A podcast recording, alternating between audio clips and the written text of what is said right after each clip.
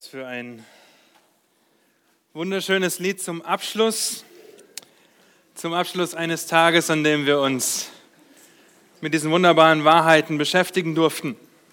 Herrschaft, Heil, Heimgang, Himmel.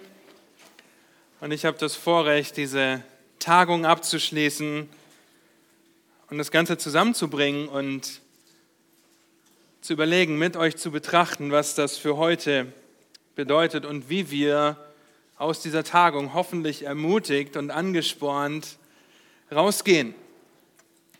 Nun, bevor ich beginne, möchte ich euch bitten, dass ihr euch Gedanken macht über eine Situation, eine Herausforderung in eurem Leben, mit der ihr kämpft, die euch vielleicht niederdrückt, die euch traurig macht, die euch körperlich einschränkt oder die durch Sünde anderer in eurem Leben zum Ausdruck kommt. Ich gebe euch einen Moment lang Zeit und ich bin mir sicher, dass jeder von euch so eine Situation, eine Herausforderung in seinem Leben jetzt gerade hat. Denn sonst wären wir, wenn das nicht so wäre, schon im Himmel, wo es weder Leid, Schmerz, Tränen, Trauer noch sonst etwas gibt.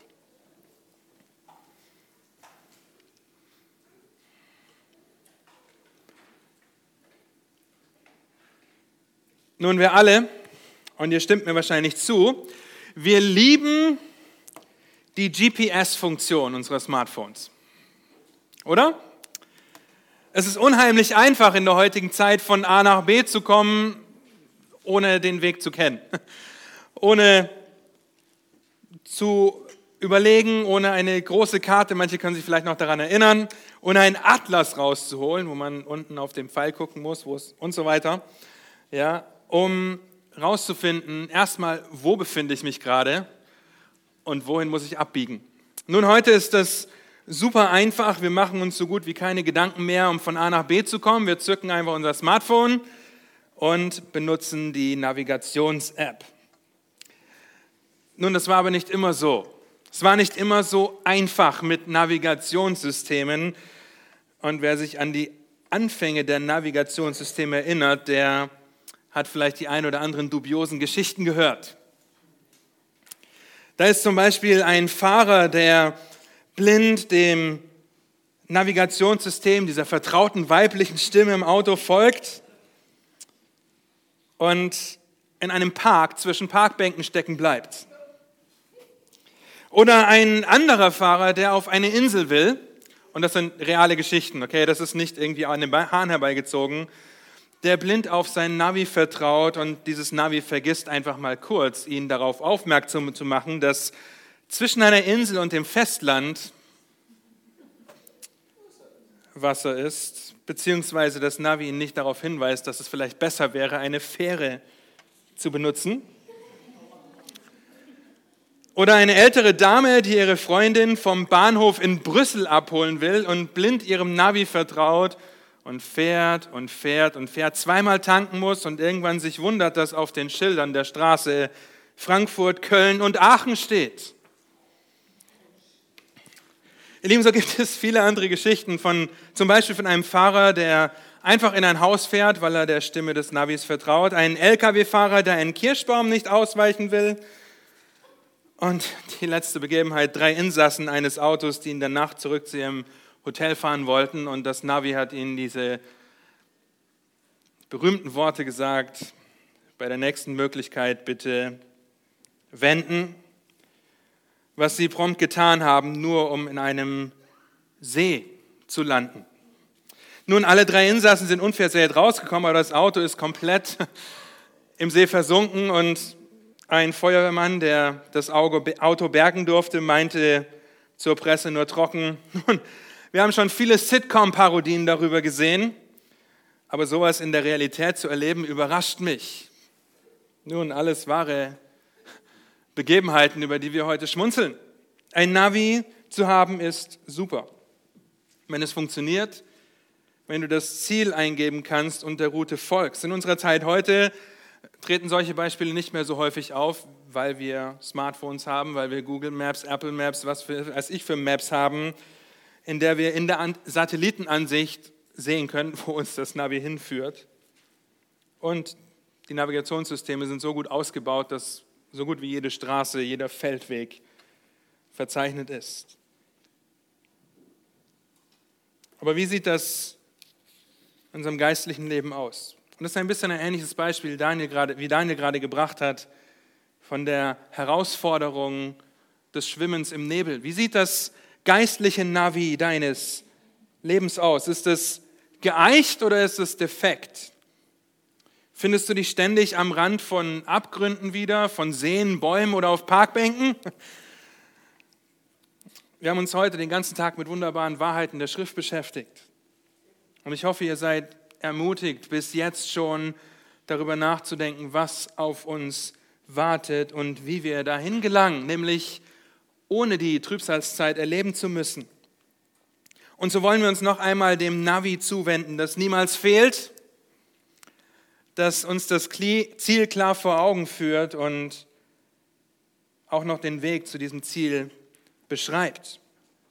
Schlag mit mir den ersten Petrusbrief auf. Wir werden uns hauptsächlich im ersten Petrus Kapitel 1 aufhalten, aber auch im Römerbrief. Okay, nur dass ihr das gehört habt, wenn ihr einen Finger übrig habt, den ihr schon beim Römerbrief zwischen die Seiten schieben möchte, dann dürft ihr das gerne schon tun. 1. Petrus, von Petrus geschrieben, einem der wahrscheinlich bekanntesten Jünger Jesu, weil er sehr lautstark auftritt, sehr häufig. Und er schreibt diesen Brief um circa 64, 65 nach Christus, also gut 32 bis 35 Jahre nach dem Tod, der Auferstehung und Himmelfahrt Christi. Er schreibt an Geschwister, die aufgrund von Verfolgung, also von Leid, Herausforderungen, Schwierigkeiten in ihrem Leben unter dem Kaiser Nero zerstreut leben und die im Gegensatz zu uns heute nicht wirklich wussten, ob sie morgen noch auf dieser Seite der Ewigkeit sein werden oder schon auf der anderen. Der Brief ist eine Ermutigung, im geistlichen Leben auszuharren und standhaft zu sein sogar unter den widrigsten Umständen. Zum Beispiel 1. Petrus Kapitel 3, Vers 14 und 15. Dort finden wir eine sehr krasse, eine sehr deutliche Aussage, wenn Petrus sagt, doch wenn ihr auch leiden solltet um der Gerechtigkeit willen, glückselig seid ihr. Ihr drohen aber fürchtet nicht und lasst euch nicht beunruhigen, sondern heiligt vielmehr Gott, den Herrn, in euren Herzen. Seid alle Zeit bereit, zur Verantwortung gegenüber jedermann, der Rechenschaft fordert über die Hoffnung, die in euch ist, und zwar mit Sanftmut und Ehrerbietung. Nun, für uns heute denken wir vielleicht, wir sind alle Zeit bereit, wollen über die Hoffnung reden, die lebendige Hoffnung, die wir haben, aber versetzt euch in die Geschwister der damaligen Zeit die entweder kurz, einfach und schmerzlos umgebracht werden konnten, wenn sie ihren Glauben nicht verleugnet haben, oder qualvoll lang und anhaltend und unter großen Schmerzen den Löwen entweder zum Fraß vorgeworfen oder im Garten Neros als Fackel angezündet wurden, nachdem man sie gefoltert hat. Seit alle Zeit Rechenschaft abzulegen über die Hoffnung. Und dann nicht nur das, Zeugnis abzulegen über die Hoffnung, die wir haben, sondern das Ganze auch noch in Sanftmut und Ehrerbietung zu tun. Nun, ein Kapitel später schreibt er, Kapitel 4, Vers 12 bis 14, Geliebte, lasst euch durch die unter euch entstandene Feuerprobe nicht befremden, als widerführe euch etwas Fremdartiges, sondern in dem Maß, wie ihr Anteil habt in den Leiden des Christus, freut euch, damit ihr euch auch bei der Offenbarung seiner Herrlichkeit jubelnd freuen könnt. Glückselig seid ihr, wenn ihr geschmäht werdet um des Namens des Christus willen, denn der Geist der Herrlichkeit, der Geist Gottes ruht auf euch. Bei ihnen ist er verlästert, bei euch aber verherrlicht. Hoffnung und Herrlichkeit, die auf uns wartet. Nun aber, diese Aussagen, die gehen nicht ohne eine feste Zuversicht, ohne die unerschütterliche, lebendige Hoffnung, ein Ziel vor Augen zu haben. Es ist unmöglich, auch für dich heute, in deinen Herausforderungen wenn du nicht auf das blickst, was vor dir liegt, was auf dich wartet, wie wir gerade gesungen haben. Und so wollen wir uns zum Abschluss dieser Tagung gezielt mit vier Freuden der lebendigen Hoffnung beschäftigen, um ermutigt und gestärkt im Leben zu stehen. Dazu lesen wir die Verse der Schrift, in denen die Worte lebendige Hoffnung zusammen an einziger Stelle vorkommen. 1. Petrus Kapitel 1. Wir behandeln heute die Verse 3 bis 12, aber ich lese ab Vers 1. Gottes Wort sagt, Paulus, Petrus, ich bin so im Römerbrief, ja, äh, Petrus, Apostel Jesu Christi an die Fremdlinge der Zerstreuung in Pontius, Galatien, Kappadokien, Asia und Bithynien, die auserwählt sind gemäß der Vorsehung Gottes des Vaters in der Heiligung des Geistes zum Gehorsam und zur Besprengung mit dem Blut Jesu Christi. Gnade und Friede werde euch mehr und mehr zuteil. Vers 3. Gelobt sei der Gott und Vater unseres Herrn Jesus Christus, der uns aufgrund seiner großen Barmherzigkeit wiedergeboren hat zu einer lebendigen Hoffnung durch die Auferstehung Jesu Christi aus den Toten, zu einem unvergänglichen und unbefleckten und unverwelklichen Erbe, das im Himmel aufbewahrt wird für uns, die wir in der Kraft Gottes bewahrt werden durch den Glauben zu dem Heil, das bereit ist, geoffenbart zu werden in der letzten Zeit. Dann werdet ihr euch jubelnd freuen, die ihr jetzt eine kurze Zeit, wenn es sein muss, traurig seid und in mancherlei Anfechtungen, damit die Bewährung eures Glaubens, Glaubens, der viel kostbarer ist als das vergängliche Gold, das doch durchs Feuer erprobt wird, Lob, Ehre und Herrlichkeit zur Folge habe bei der Offenbarung Jesu Christi. Ihn liebt ihr, obgleich ihr ihn nicht gesehen habt, an ihn glaubt ihr, obgleich ihr ihn jetzt nicht seht, und über ihn werdet ihr euch jubelnd freuen, mit unaussprechlicher und herrlicher Freude, wenn ihr das Endziel eures Glaubens davontragt, die Errettung eurer Seelen. Wegen dieser Errettung haben die Propheten gesucht und nachgeforscht, die von denen, die von der euch zuteil gewordenen Gnade geweissagt haben. Sie haben nachgeforscht, auf welche und was für eine Zeit der Geist des Christus in ihnen hindeutete, der die für Christus bestimmten Leiden und die darauf folgenden Herrlichkeiten zuvor bezeugte. Ihnen wurde geoffenbart, dass sie nicht sich selbst, sondern uns dienten mit dem, was euch jetzt bekannt gemacht worden ist, durch diejenigen, welche euch das Evangelium verkündet haben im Heiligen Geist, der vom Himmel gesandt wurde, Dinge, in welche auch die Engel hineinzusehen begehren. Wir lesen uns am Text von Lob, von jubelnder, unaussprechlicher, herrlicher Freude, Freude, die wir jetzt schon haben können. Und bevor wir einsteigen, möchte ich dem das Lob geben, dem das Lob gebührt. Lasst mich noch einmal beten. Gelobt sei Gott, Herr, du bist einzig und allein, der einzig wahre Gott, der unvergängliche Gott, der heilige Gott. Und so danke ich dir für die Möglichkeit, die wir haben, uns um dein Wort zu drehen, zu sehen, was lebendige Hoffnung bedeutet und bete, dass du uns ermutigst durch dein Wort, uns ermutigst, wenn wir aus diesem Tag herausgehen und darüber nachdenken, was du vorhast und dass du deinen Plan auch noch vollenden wirst, Herr. Amen. Nun zu Beginn sei gesagt, dass die Schlachter 2000 den Versen 3 bis 12 versucht, eine Satzstruktur zu geben. Okay, das ist euch vielleicht aufgefallen. Beim Studium werdet ihr allerdings feststellen, dass es sich bei den Versen 3 bis 12 um einen einzigen Satz handelt der aus schlappen 178 Worten besteht, die es für uns gilt, auseinander zu sortieren.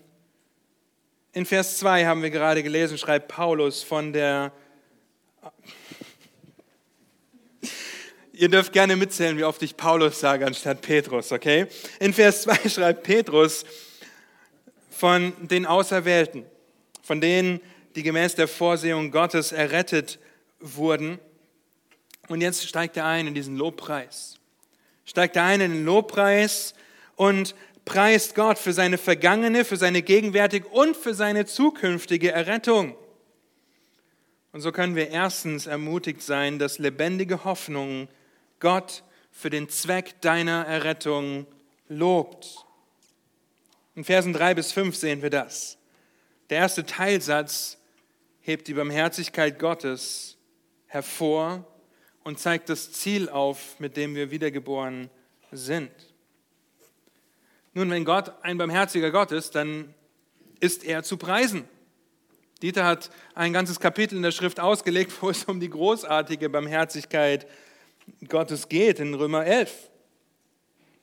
Und an Römer 11 schließt Römer 12 an mit, den Vers, mit Vers 1. Und Paulus, tatsächlich Paulus diesmal, greift auf, was er vorher geschrieben hat. Darum, geliebte Brüder, ermahne ich euch angesichts der Barmherzigkeit Gottes, dass ihr eure Leiber darbringt als ein heiliges, Gott wohlgefälliges Opfer. Das sei euer vernünftiger Gottesdienst. Wenn deine Gedanken über die Barmherzigkeit Gottes nicht Lobpreis in deinem Leben bewirkt, dass du, das sieht gut aus, dass du sagst, dass Gott gepriesen sein soll für, seinen, für seine Barmherzigkeit, dann kann es sein, dass du die Barmherzigkeit entweder nicht im vollen Ausmaß verstanden hast oder dass du die falsche Perspektive hast auf das Leben im Hier und Jetzt. Nun, wir lieben das Alte Testament. Nicht zuletzt sehen wir das auch bei Petrus in den Versen 10 bis 12, dass er das Alte Testament schätzt und sieht, wie die Propheten uns gedient haben. Und so kommen wir zu einer Geschichte im Alten Testament, in 1. Mose Kapitel 19. Zwei Männer kommen zu Lot und seiner Familie in sein Haus. Wir erinnern uns, die, Stadt der, die Bewohner der Stadt wollten sich an ihnen vergehen. Die zwei Männer halten Lot an, sich und seine Familie am nächsten Morgen aus der Stadt zu retten, weil, Vers 13 in 1. Mose 19, wir diesen Ort verderben werden, weil das Geschrei über sie groß ist vor Jahwe und Jahwe hat uns gesandt, den Ort zu verderben. Wenn ihr weiterlest, dann stellt ihr fest, dass Lot am nächsten Morgen, Morgen zögert, die Stadt zu verlassen mitsamt seiner Familie. Was machen die Männer? Sie ergreifen ihn und führen ihn nach draußen. Vers 16. Was ist die Antwort Lots, als das geschah? Nun, neben seinem Genörgel nicht auf das Bergland zu wollen, weil das nicht gut für ihn wäre und so weiter, begreift er folgendes. Vers 19a heißt es, 1. Mose 19, 19, siehe doch, dein Knecht hat vor deinen Augen Gnade gefunden. Okay. Und du hast mir große Barmherzigkeit erwiesen, dass du meine Seele am Leben erhalten hast. Barmherzigkeit führt zu Dankbarkeit, weil Gott uns Gericht erspart.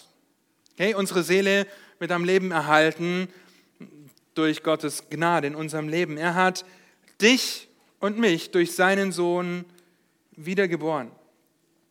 Und im 1. Petrusbrief 1, Vers 18 lesen wir, denn ihr wisst ja, und ihr kennt diese Verse, Verse 18 und 19, ihr wisst ja, dass ihr nicht mit vergänglichen Dingen, mit Silber oder Gold losgekauft worden seid aus eurem nichtigen, von den Vätern überlieferten Wandel, sondern, sondern mit dem kostbaren Blut des Christus als eines makellosen und unbefleckten Lammes.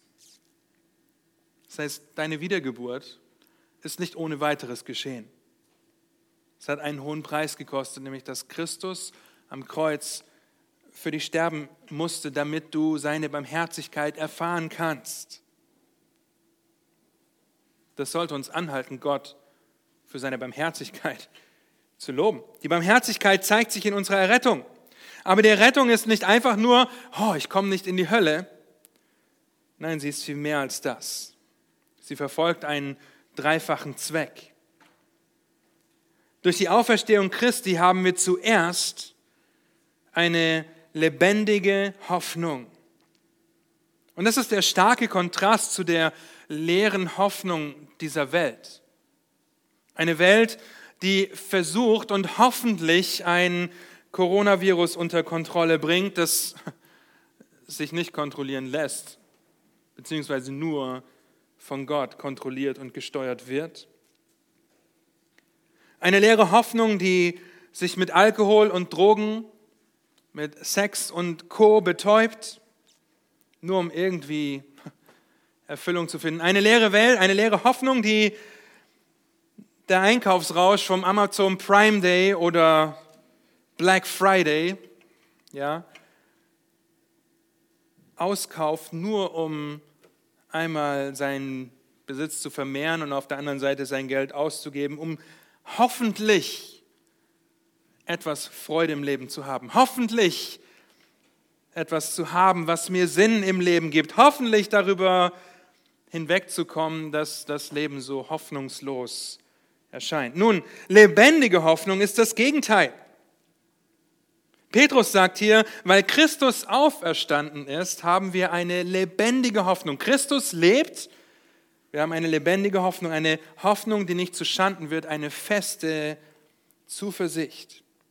Neben der lebendigen Hoffnung ist der zweite Zweck unserer Errettung das Erbe. Das Erbe, das uns erwartet. Mit drei Worten macht, Paulus, macht Petrus, macht Petrus das so deutlich. Wir sind wiedergeboren zu einem unvergänglichen, unbefleckten und unverwelklichen Erbe.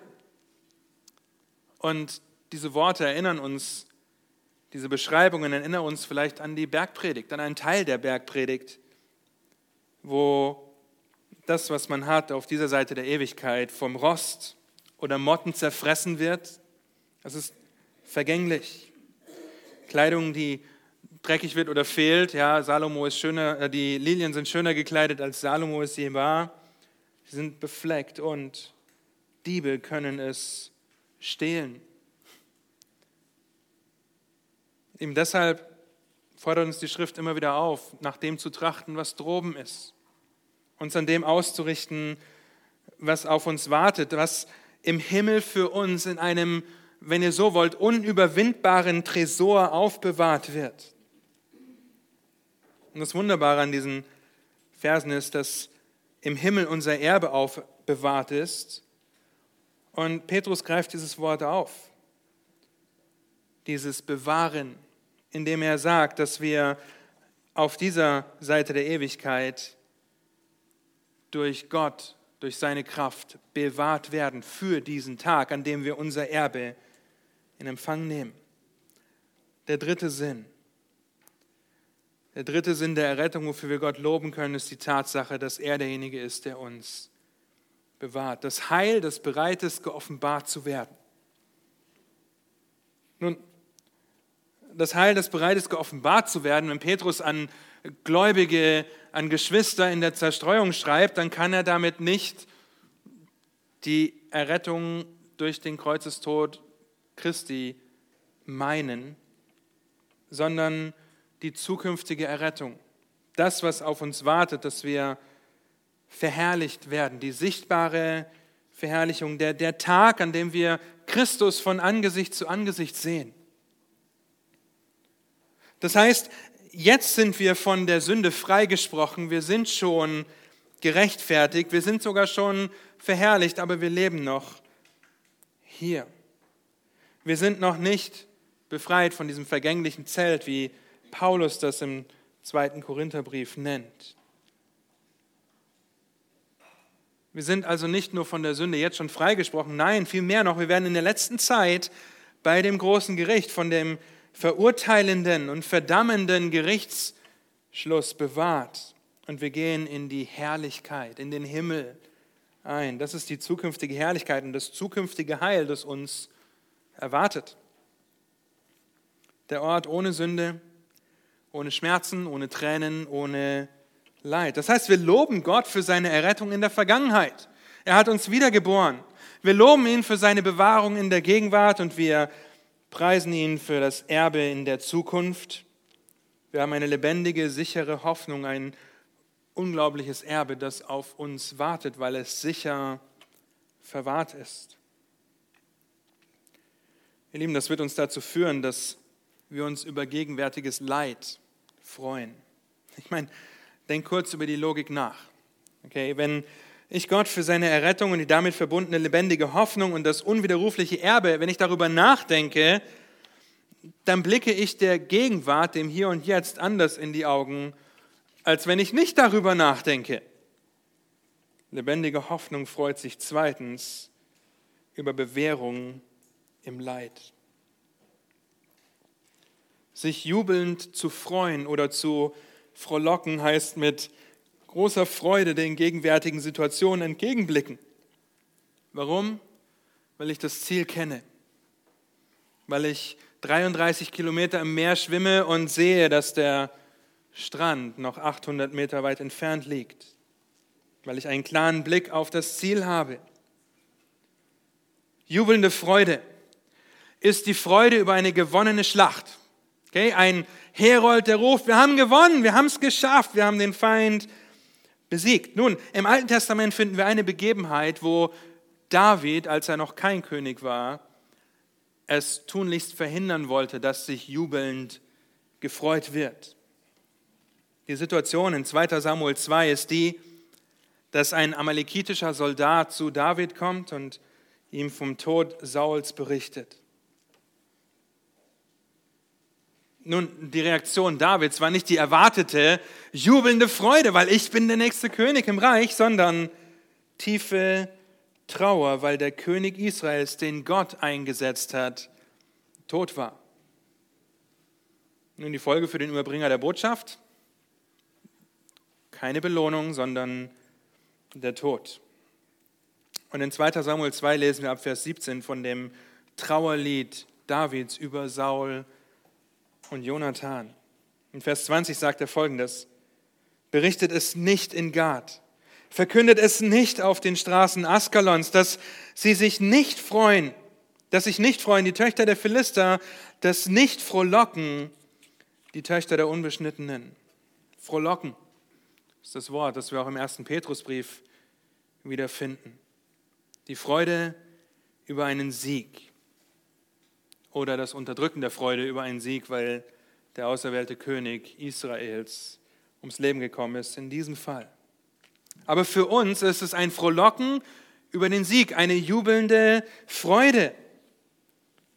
Wir kämpfen. Wir kämpfen alle, jeder von uns kämpft. Und wie wir unter anderem in Römer 8, Vers 37 sehen, überwinden wir weit durch den, der uns geliebt hat. Wir kämpfen vom Sieg her kommt. Wir können uns jubelnd freuen, weil wir das Ziel, den Sieg vor Augen haben. In unserem Versen im ersten Petrusbrief sehen wir Lob, Ehre und Herrlichkeit als Folge. Bei der Offenbarung Jesu Christi darüber können wir uns heute schon jubelnd freuen. Wir realisieren in 1. Petrus 1, Vers 6 aber auch, dass Leid und Traurigkeit, Prüfungen, Anfechtungen, dass das real ist.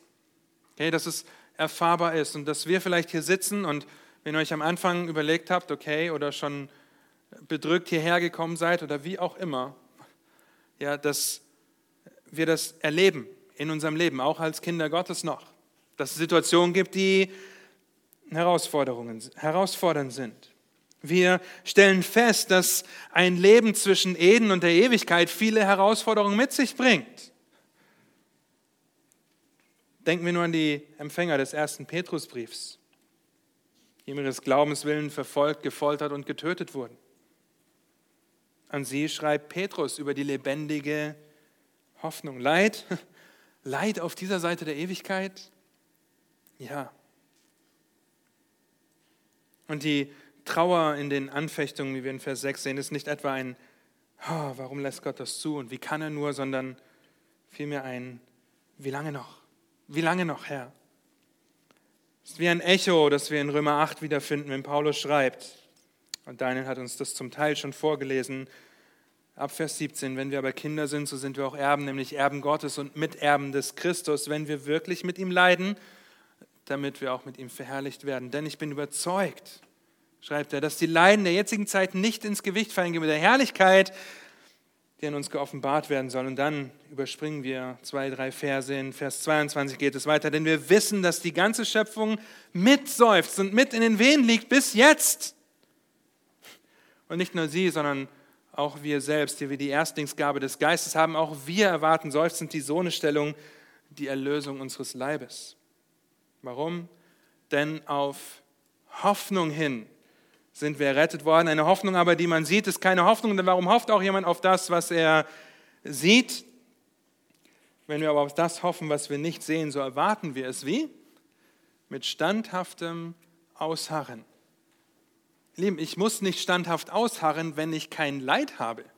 Warum soll ich dann standhaft sein, wenn alles Pustekuchen und Ponyhof ist? Standhaftes Ausharren, das ist das Ausstrecken nach dem Erbe, nach dem, was vor uns liegt. Ihr Lieben, warum können wir uns freuen, wenn wir keine Kinder bekommen können oder wenn sie uns genommen werden, wenn sie im Mutterleib vielleicht sterben?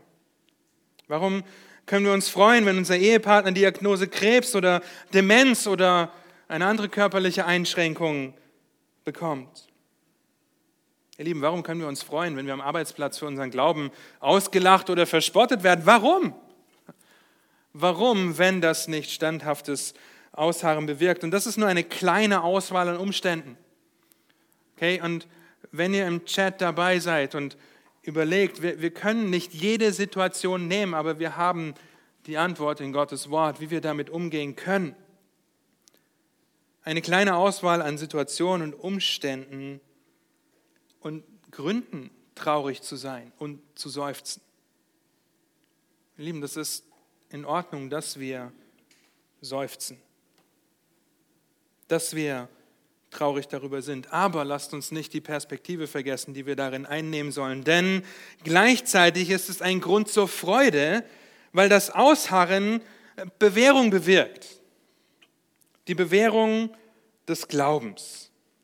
Und diese Bewährung ist so viel mehr wert als Gold, das immer und immer wieder erhitzt wird, nur um die dreckigen Schlacken von der Oberfläche des flüssigen Goldes zu entfernen, um etwas Reines, etwas Perfektes daraus zu bekommen. Ein Reinigungsprozess, denn nur ein paar Verse nach unserem einen Satz im ersten Petrusbrief schreibt Petrus in Vers 16, denn es steht geschrieben, ihr sollt heilig sein, denn ich bin heilig, abgesondert von der Sünde, gereinigt von der Sünde. Das ist ein Prozess. Prüfungen, Bedrängnisse, Herausforderungen. Nun, die werden mit der richtigen Perspektive dazu führen, dass du zu dem fließt, der alles in seiner Hand hält. Der alles lenkt, der alles führt, der alles leitet. Mit dem Ziel unserer Verherrlichung in der Zukunft blicken wir auf das Gegenwärtige und freuen uns auf das, was kommt. Nun, ich liebe den Römerbrief, offensichtlich. Und ich liebe die Verbindung zwischen nur diesen Versen und auch einigen Versen aus Römer Kapitel 5. Römer 5, wenn ihr die Möglichkeit habt, geht dahin, beobachtet das mit mir. Da heißt es in den ersten sechs Versen, die uns einen wunderbaren Einblick in das Resultat des Friedens mit Gott geben, folgendes. Da wir nun aus Glauben gerechtfertigt sind, so haben wir Frieden mit Gott. Allein diesen Teil müsst ihr euch auf der Zunge ganz langsam zergehen lassen. Wir haben Frieden mit Gott durch unseren Herrn Jesus Christus, durch den wir im Glauben auch Zugang erlangt haben zu der Gnade, in der wir stehen. Und wir rühmen uns der Hoffnung auf die Herrlichkeit Gottes. Aber nicht nur das, sondern wir rühmen uns auch in Bedrängnissen. Weil wir wissen, dass die Bedrängnis standhaftes Ausharren bewirkt das standhafte Ausharren aber Bewährung, die Bewährung aber Hoffnung, die Hoffnung aber lässt nicht zuschanden werden, denn die Liebe Gottes ist ausgegossen in unsere Herzen durch den Heiligen Geist, der uns gegeben worden ist. Anstatt jubelnde Freude benutzt Paulus in Römer 5 das Wort rühmen. Das ist, ich bin stolz darauf, ich rühme mich dessen, was da passiert ist, dass Gott Frieden mit mir gemacht hat und was die Auswirkungen dafür sind oder davon sind. Und hört mir gut zu, das, was sowohl Petrus als auch Paulus deutlich machen, ja, ist, dass wir aufgrund unserer Errettung, die fest ist, weil sie von Gott kommt, sie aufgrund unserer Errettung eine lebendige Hoffnung haben. Okay? Eine lebendige Hoffnung, die nicht zuschanden wird. Aufgrund dieser Hoffnung können wir uns jubelnd freuen und rühmen, sogar in Bedrängnis, in Anfechtungen, in Prüfungen, die traurig sind. Ja, aber wir können uns freuen, weil wir wissen, was wartet. Wenn, wenn wir die richtige Perspektive einnehmen, weil Gottes Kraft uns bewahrt okay, und es seine Absicht ist, die Bewährung unseres Glaubens hervorzubringen, das heißt, wir werden durch Situationen mehr und mehr geheiligt in unserer praktischen Heiligung. Wir sind perfekt und heilig vor Gott jetzt schon. Nun, wenn, wenn das die Absicht ist, dass wir bewährt werden in unserem Glauben, dann harren wir aus. Wenn wir mit der Herrlichkeitsperspektive ausharren, bewirkt das Bewährung. Und Bewährung ist ein Test, der den Charakter prüft. Okay, das Gold erhitzen, das Testen der Echtheit und des Reinheitsgrades von Wertmetallen durch, hört mir gut zu, mehrfaches Erhitzen. Okay? Du machst nicht nur einmal ein bisschen Leid in deinem Leben durch und bist dann gleich gereinigt. Wir werden fortwährend auch hier auf dieser Erde in Herausforderungen stehen. Was bewirkt die Bewährung? In Römer 5, die Bewährung aber bewirkt Hoffnung. Das ist ein Kreislauf, ihr Lieben. Denn wenn ich Hoffnung habe, was passiert dann? Dann habe ich jubelnde Freude in Bedrängnis, dann habe ich jubelnde Freude in Aussagen, in Bewährung, was zu mehr Hoffnung führt. Was wiederum, und ihr, ihr versteht das, was wieder dazu führt und so weiter. Lebendige Hoffnung, eine Hoffnung, die ein Ziel vor Augen hat. Gott wird gelobt, weil er uns errettet hat, lebendige Hoffnung gegeben hat, weil er uns ein Erbe gegeben hat. In Vers 7, das Resultat dieser Bewährung, das, was wir bekommen, wenn wir treu vor unserem Herrn erscheinen oder zu ihm geholt werden. Lob, Ehre und Herrlichkeit, das ist das, was Pascal vorhin gesagt hat. Willst du bei deinen Rückungen gerade sündigen und dann, wie 1. Johannes sagt, mit Scham in das Himmelreich eingehen? Oder willst du als ein treuer Verwalter erfunden werden in dem Moment? Könnt Matthäus 24 lesen, ja, wo ein Arbeiter auf dem Feld bei seiner Arbeit genommen wird und er ist treu, indem er das verwaltet, was Gott ihm anvertraut hat. Nun, ihr Lieben, Lob, Ehre und Herrlichkeit, das wartet auf uns. Und ihr Lieben, das wartet auch auf uns, wenn wir uns Sorgen machen. Sorgen machen über ein Coronavirus, das uns vielleicht äh, betreffen könnte oder unsere Lieben. Sorgen machen über unser Einkommen in der nächsten Woche, Sorgen machen über das ungeborene Leben in unserem Bauch, Sorgen machen über was auch immer. Ihr Lieben, dieses Erbe erwartet uns, auch wenn wir wütend werden, weil wir nicht bekommen, was wir wollen, weil unsere Kinder nicht tun, was wir ihnen sagen, weil unser Ehepartner nicht macht, was ich will, was ihr wollt. Warum ist das so? Warum machen wir uns Sorgen? Warum werden wir wütend? Warum, Punkt, Punkt, Punkt, wenn wir doch ein ewiges Erbe haben, auf das wir blicken sollten. Nun, weil unsere Perspektive nicht stimmt. Weil wir viel zu sehr uns um das Leben im Hier und Jetzt anstatt im Dann und später drehen. Weil wir viel zu selten über das nachdenken, was uns erwartet und lieber jetzt schon alles haben wollen, was wir bekommen können. Und wehe, wehe, wir bekommen es nicht. Vielleicht es ist dieser Punkt, wo dein geistliches Navi sagt, bitte warten, die Route wird neu berechnet. Weil du vielleicht feststellst, dass du dich in eigenen Bereichen deines Lebens um das Hier und Jetzt anstatt das Dann und später drehst. Nur wie ändern wir unsere Perspektive? Wie ändern wir unsere Gesinnung? Wie schaffen wir es, heilig zu sein? Denn Gott ist heilig. Wenn du zum Beispiel mit der Herausforderung kämpfst, dass du dich einsam fühlst. Und ich verstehe, dass das auf Alleinstehende zutrifft, aber es kann genauso auf Ehepaare zutreffen, die sich einsam fühlen, weil sie sich entfremden weil du dich einsam fühlst und darüber trauerst. Und diese Trauer ist in Ordnung, denn das ist nicht der erdachte Plan Gottes oder der ideale Plan Gottes. Jetzt zur Zeit ist es der perfekte Plan, aber ihr versteht, was ich meine. Es ist nicht der ursprüngliche Plan. Nun, wie gehst du dann damit um? Nun, studiere zum Beispiel die Kreuzigung und die Allgegenwart Gottes. Warum die Kreuzigung? weil Christus für dich vom Vater verlassen wurde. Okay? Er war als einziger Mensch jemals wirklich allein. Denn Gott ist allgegenwärtig, aber am Kreuz hat er sich von seinem Sohn abgewendet und nirgendwo in der Schrift, nirgendwo an nicht einer Stelle wirst du finden, dass Gott sich von dir abwendet. Ein Beispiel, studiere die Kreuzigung und die Allgegenwart Gottes. Vielleicht kämpfst du mit unerfülltem Kinderwunsch, vielleicht weil es bei euch als Ehepaar nicht klappt oder weil du dir einen Partner wünschst und gerne Kinder hättest und wie auch immer. Eben studiert, studiert das Leben und das Lied von Hannah in 1 Samuel 1 und 2.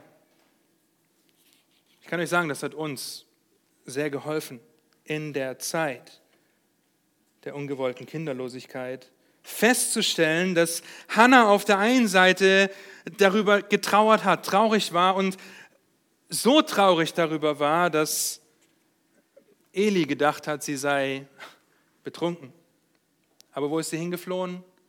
Zum Herrn, in ihrem Leid, in ihrem Schmerz. Es hat uns geholfen, darüber nachzudenken, beim Lesen und Studieren des Gebetes zu erkennen und zu sehen, dass sich dieses Gebet um Gott dreht. Und ihn nicht einmal so sehr lobt dafür, dass sie schwanger geworden ist, sondern einfach Gott für Gott lobt. Und es erinnert uns daran und hilft uns zu sehen, dass das Kind, das sie geboren hat, wie lange bei ihr war? Samuel war so lange bei Hannah, bis Samuel nicht mehr gestillt wurde. Ein Kind wird nicht bis 18 Jahre gestillt. Okay? Das ist eine kurze Zeit, in der ein Kind gestillt wird. Und doch, nach langer Kinderlosigkeit und nach dem Kinderwunsch, gibt sie Samuel in die Obhut Elis, vertraut dieses Kind dem Herrn an, in dem Wissen, dass sie es nicht so häufig sehen wird. Ihr Lieben, die richtige Einstellung, die richtige Perspektive, die wird immer zum Lob Gottes führen. Wie schwer die Tränen der Gegenwart auch sein mögen. Weil ich auf der einen Seite weiß, was mich erwartet, weil ich auf der anderen Seite weiß, wer alles in der Hand hat, wer alles führt und lenkt und leitet, wer gibt und wer nimmt. Lebendige Hoffnung. Ich weiß, dass auf mich ein unvergänglicher, ein unbeflecktes, ein unverwelkliches, ein unwiderrufbares, ein unauflösbares, unfassbares und unantastbares Erbe wartet. Leben, das übersteigt alles, was wir uns jemals auf dieser Erde erhoffen können. Nun, wir könnten die Verse 6 bis 9 auch am Stück anschauen, um die Bewährung im Leid zu sehen. Aber ich möchte bewusst eine dritte Ermutigung geben, die uns anspornt, im Hier und Jetzt mit der richtigen Perspektive zu leben. Lebendige Hoffnung freut sich drittens auf die sichtbare Gegenwart Jesu. Und die Verbindung zu Vers 7 in Vers 8 kann deutlicher nicht sein. Lob, Ehre und Herrlichkeit zur Folge bei der Offenbarung Jesu Christi. Das Endziel, dass die Herrlichkeit in der Gegenwart unseres herrlichen Retters ist, das ist das Ziel. Ihn lieben wir, obwohl wir ihn nicht gesehen haben. An ihn glauben wir, obwohl wir ihn jetzt nicht sehen. Weil wir der festen Überzeugung sind, dass die lebendige Hoffnung durch unsere Errettung in uns wirkt, uns auf die Herrlichkeit blicken lässt, weil Gott uns erlöst hat. Auch wenn wir ihn nicht gesehen haben, auch wenn wir ihn jetzt nicht sehen. Ja, und Viele Christen, an die Petrus schreibt, haben ihn nicht gesehen und glauben trotzdem an ihn, weil er uns auf der einen Seite seinen Geist als Tröster gegeben hat, der einsteht für uns mit unaussprechlichen Seufzern und auf der anderen Seite Christus selbst für uns einsteht im Himmel als unser Fürsprecher. Ihr Lieben, das ist fantastisch. Und es kommt der Tag, an dem wir unseren Herrn sehen werden an dem wir nicht mehr glauben müssen, an dem wir nicht mehr hoffen müssen. Denn warum hofft auch jemand auf das, was er sieht? Und das wird ein Tag jubelnder Freude. Ein Tag, an dem wir sehen, wie er ist. Was für ein Tag. Was für ein Tag, der dich hoffentlich jubelnd freuen lässt, schon heute. Und das wird unaussprechliche und herrliche Freude mit sich bringen. Wir können nur staunend, anbetend dastehen und das Lamm auf dem Thron preisen. Staunend und preisend dastehen und Jesus sehen, wie er ist. Und wir werden das nicht einmal in, kein Wort wird diese Freude beschreiben, unaussprechlich. Es wird perfekte, herrliche, sündlose Freude sein. Der Tag, an dem wir vor, vor unserem Verherrlichten, an dem wir verherrlicht vor unserem Herrn stehen. Lieben, das ist der Tag, auf den die gesamte Schöpfung wartet, auf den die Kinder Gottes warten. Noch einmal Römer 8, denn die gespannte Erwartung der Schöpfung sehnt die Offenbarung der Söhne Gottes herbei. Die Schöpfung ist nämlich der Vergänglichkeit unterworfen, nicht freiwillig, sondern durch den, der sie unterworfen hat. Worauf hin? Auf Hoffnung hin, dass auch die Schöpfung selbst befreit werden soll von der Knechtschaft der Sterblichkeit zur Freiheit der Herrlichkeit der Kinder Gottes. Und dann heißt es, denn wir wissen, dass die ganze Schöpfung mitseufzt und mit in den Wehen liegt. Wir haben das gerade schon gelesen und nicht nur sie, auch wir erwarten diese Sohnesstellung, die Erlösung unseres Leibes. Und wie Daniel das schon gesagt hat, wir haben keine Nebelwand vor uns. Wir haben kein falsches Navi vor uns, das uns sagt, ja, vielleicht bieg hier mal rechts ab, eventuell passt das dann schon. Wir können jetzt schon über das unfassbare staunen, über den wunderbaren Gottes, Plan Gottes staunen, den er vor Grundlegung der Welt gefasst hat und von dem du, von dem ich, von dem wir ein Teil sein dürfen. Und das führt heute schon zur jubelnden Freude. Ich hoffe das zumindest. Wir haben von der Entrückung gehört. Was für ein Tag, was für eine Überraschung, die auf uns zukommt. Vielleicht morgen, vielleicht heute Abend, vielleicht in 300 Jahren, wie Pascal gesagt hat. Nicht, dass wir dann noch leben, dann sind wir hoffentlich schon beim Herrn. Ja? Nun, wir haben über die Herrlichkeit gehört, wir haben über das Heil gehört, über die Errettung, über den Himmel. Und ihr Lieben, das alles gipfelt darin, dass wir Jesus sehen. Ist euch das bewusst? Wir werden Jesus sehen. Wir werden ihn anschauen, wir werden seine Male sehen in den Händen, in den Beinen, in der Seite. Als er gerufen hat, es ist vollbracht. Wir werden Jesus sehen.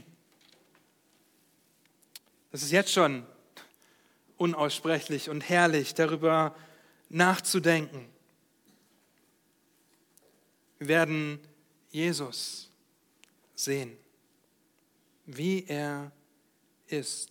Und mehr noch, wir werden ihm gleich sein. Und das sollte uns anspornen, mit Paulus, wirklich Paulus, zu sagen, mein Leben ist Christus, mein Sterben Gewinn.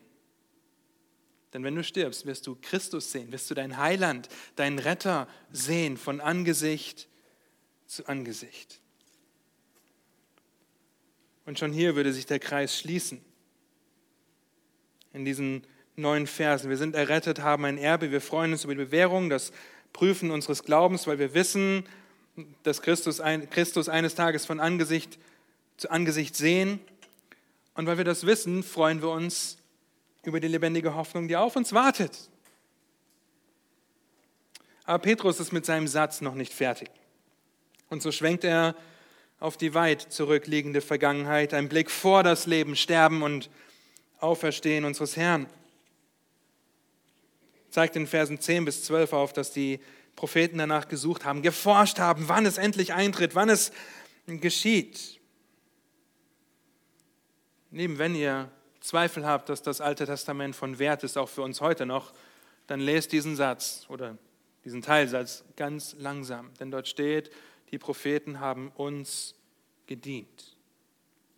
Okay, wenn du sagst, das Alte Testament, ja, irgendwann lese ich das vielleicht. Nein, lese das, um festzustellen, dass Gott seinen Retter verspricht und dass er dann kommt. Sie haben uns gedient. Sie haben uns aufgezeigt, dass das Heil kommen wird, der Retter in die Welt kommt, der leiden und herrschen würde. Sie wussten nicht genau wann und dass dazwischen, zwischen dem Qual von Leiden und dem herrlichen Regieren, der herrlichen Herrschaft, die Zeit der Gemeinde liegt, war ihnen auch nicht so klar. Und die Zeit, in der wir heute leben, in der wir heute hier sein dürfen, in der dürfen wir von den Propheten lernen, ihren Dienst an uns zu schätzen. Aber mehr noch, wir haben das Evangelium von Christus, die gute Botschaft von Christus, die wir verkündigen dürfen, weil wir nicht mehr auf die Offenbarung des Menschensohns bei seinem ersten Kommen warten, nicht mehr darauf warten, dass er wie ein Schaf zur Schlachtbank geführt wird. Nein, wir blicken zurück auf das Kreuz und auf die Krone, die vor uns liegt, wenn Jesus uns zu sich holt nach der Trübsal für tausend Jahre als der sichtbare König herrschen wird auf dieser Erde. Wir blicken auf das Kreuz zurück. Den Propheten wurde es geoffenbart, es wurde ihnen gezeigt, was werden wird. Wir erfahren das durch Zeugenberichte von einem Petrus, dass es passiert ist. Der Unterschied für, ein, für die Propheten, ein Ereignis in der Zukunft, für uns und die Empfänger des Briefes eine Tatsache der Vergangenheit. Und wenn die Propheten uns auch heute noch durch das Alte Testament hindurch dienen, dann ist diese vierte Freude der lebendigen Hoffnung für ein Leben hier und jetzt die Tatsache, dass wir uns an Gottes Wort freuen. Sie freut sich an dem Wort Gottes. Warum? Weil wir das wunderbare Wort Gottes vorliegen haben. Unanfechtbar, unantastbar, allgenugsam und sogar mächtig, unsere Herzen zu erforschen.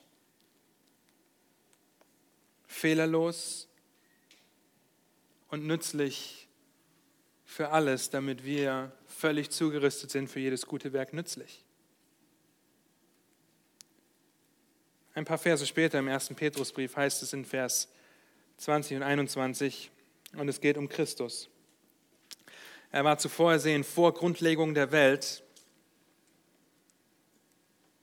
aber wurde offenbar gemacht in den letzten Zeiten um euretwillen, die durch ihn an Gott glaubt, der ihn aus den Toten auferweckt und ihm Herrlichkeit gegeben hat, damit, was euer Glaube und eure Hoffnung auf Gott gerichtet sein. Woher wüssten wir das, wenn wir es nicht hier lesen würden?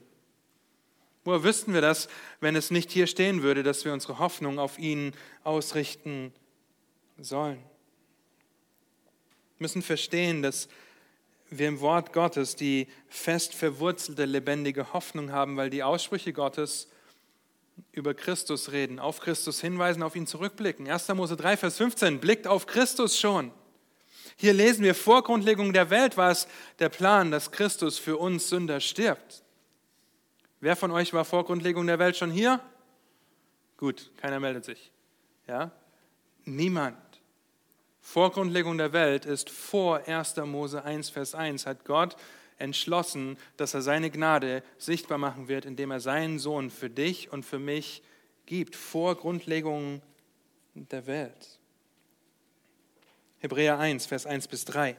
Nachdem Gott in den vergangenen Zeiten vielfältig und auf vielerlei Weise zu den Vätern geredet hat, durch die Propheten, seht ihr nochmal ein Dienst der Propheten, hat er in diesen letzten Tagen zu uns geredet durch den Sohn oder im Sohn. Ihn hat er eingesetzt zum Erben von allem, durch ihn hat er auch die Welten erschaffen. Dieser ist die Ausstrahlung der Herrlichkeit und der Ausdruck seines Wesens und trägt alle Dinge durch das Wort seiner Kraft. Er hat sich, nachdem er die Reinigung von unseren Sünden durch sich selbst vollbracht hat, zur Rechten der Majestät in der Höhe gesetzt. Deswegen können wir in Kapitel 4 im Hebräerbrief lesen, dass er unser hoher Priester ist, der für uns eintritt und wir zum Thron der Gnade kommen dürfen, um Gnade zu finden und Hilfe zur Rechts oder Barmherzigkeit zur rechtzeitigen Hilfe. Aber vorher heißt es dort in Kapitel 4 im Hebräerbrief, denn das Wort Gottes ist lebendig und wirksam und schärfer als jedes zweischneidige Schwert. Und es dringt durch, bis es scheidet, sowohl Seele als auch Geist, sowohl Mark als auch Bein. Und ist ein Richter der Gedanken und Gesinnungen des Herzens. Und kein Geschöpf ist vor ihm verborgen, sondern alles ist enthüllt und aufgedeckt vor den Augen dessen, dem wir Rechenschaft zu geben haben. Eben das ist das Wort Gottes. Lebendige Hoffnung freut sich an der geoffenbarten Wahrheit Gottes. Liest du Gottes Wort? Oder liest du Corona-Nachrichten? Guckst du Corona-Nachrichten? Beschäftigst du dich mit der Wahl in Amerika? Beschäftigst du dich mit was weiß ich was?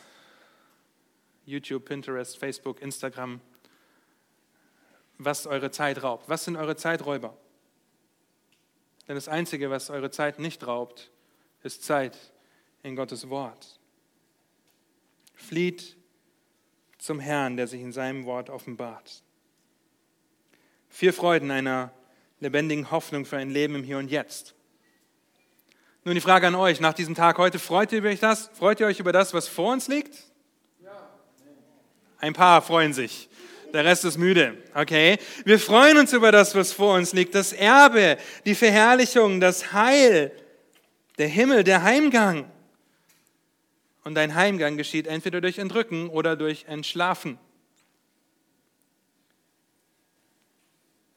Ihr Lieben, das sollte unseren Dienst am Herrn im Hier und Jetzt anspornen. Und zwar nicht ein Dienst, der sagt, ah, ich muss ja, sondern jubelnde Freude in Leid, in Herausforderungen, in dem, was du dir am Anfang überlegt hast. In der kommenden Woche, den kommenden Monaten darüber nachzudenken, wo und wie muss ich meine Perspektive auf Gottes Wort ausrichten und brauche ich dazu vielleicht Hilfe? Und ihr habt sowohl in der Gnadengemeinde als auch in der Bibelgemeinde Pastoren, die gerne und bereitwillig dabei helfen, einen Perspektivwechsel vorzunehmen, die Route neu zu berechnen. Soll uns anspornen, den Herrn zu loben. Lobe Gott für deine Errettung. Freue dich über Bewährung das Ausharren im Leid. Nimm die richtige Perspektive ein. Freue dich auf die sichtbare Gegenwart Jesu. Bald schon werden wir ihn sehen und dann werden wir ihm gleich sein und wir werden sehen, wie er ist. Dann wird Leid und Schmerz vergehen und wir sind bei ihm für eine Woche, für drei Tage. Nein, für immer. Freue dich an dem Wort Gottes, das uns das offenbart, dass das zeigt. Sei in Gottes Wort, wenn du niedergeschlagen bist, wenn du traurig bist, wenn du herausgefordert bist und nicht weiter weißt. Geh in die Psalmen. Ändere deine Perspektive. Ich hoffe, dass ihr so ermutigt seid wie ich, dass wir ein Navi an die Hand bekommen, das geeicht ist, das nur eine Adresse im Speicher hat und diese Adresse weder geändert werden kann, weder widerrufen werden kann, es keine Unsicherheiten gibt, ob diese Adresse existiert oder nicht, oder schon ins System eingepflegt wurde oder nicht. Es keine Unsicherheit gibt, dass wir dieses Ziel verpassen. Das heißt, das Ziel befindet sich in 300 Metern auf der linken Seite und du verpasst es. Das passiert uns nicht, wenn wir uns an dem Navigationssystem des Wortes Gottes und der Herrlichkeit, die auf uns wartet, die lebendige Hoffnung, die wir haben, ausrichten. Nun nutze diese Tagung dazu. Denk darüber nach, wo dein geistliches Navi dir vielleicht sagt, die Route wird neu berechnet. Gelobt sei der Gott und Vater unseres Herrn Jesus Christus der uns aufgrund seiner großen Barmherzigkeit wiedergeboren hat zu einer lebendigen Hoffnung durch die Auferstehung Jesu Christi aus den Toten. Lasst mich noch beten. Habt du Dank für diese Worte aus deinem Wort, die wir heute den ganzen Tag hören durften. Dass wir sehen, dass du dein Reich, dein Plan, den du vor dem Sündenfall schon in dieser Welt umgesetzt hast und der durch den Sündenfall verdreht und ja, aus dem, nicht aus dem Ruder gelaufen ist, weil du perfekt bist, aber für uns mit Leid und Herausforderung verbunden ist, dass du diesen Plan in Ewigkeit ausführen wirst, weil du, Herr Jesus Christus, am Kreuz für uns gestorben bist.